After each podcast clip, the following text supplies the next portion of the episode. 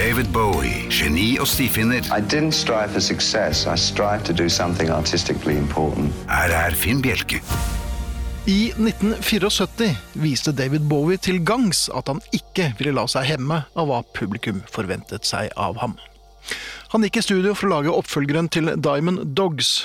Fremdeles handlet det mye om fremmedgjøring, ensomhet og oppgitthet, men nå var det pakket inn i glatt, striglet soulmusikk.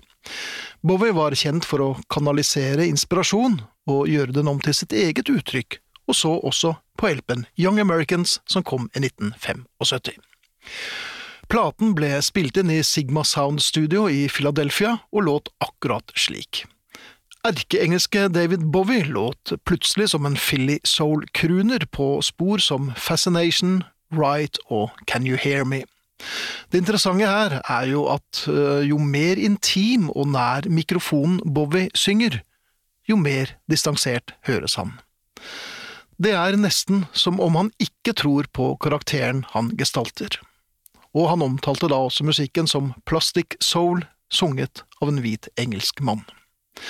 Blant musikerne finner vi gitaristen Carlos Alomar, som skulle bidra på mange av Bowies plater, en ung Luther Vandross på vokal, hotshot-gitaristen Earl Slick og John Lennon, som bidro med vokal og gitar på coverversjonen av Across the Universe og den funky Fame, som faktisk gikk til topps på USA-listene. Tittelsporet Young Americans gjorde det bra på hitlistene i Amerika, den også. De er jo ikke så gode på ironi og subtekst der borte, så det er litt skøyeraktig at denne slo an. Teksten var pepret med kommentarer til diskriminering, Richard Nixon og McCarthys hekseprosesser. Alt pakket inn i smektende soulmusikk, David Sanborns poengterte saksofonspill og en overraskende entusiastisk David Bowie som glupsk kaster seg inn i dette nye musikalske landskapet. Han raser gjennom en tekst som en engelsk utgave av Bruce Springsteen.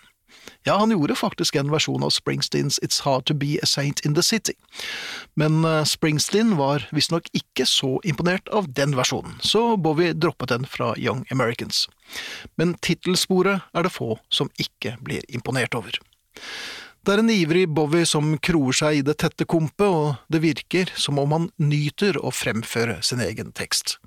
Det er en varme i historiefortellingen hans som kan forlede noen og enhver til å tro at her får vi en flik av den virkelige Bowie.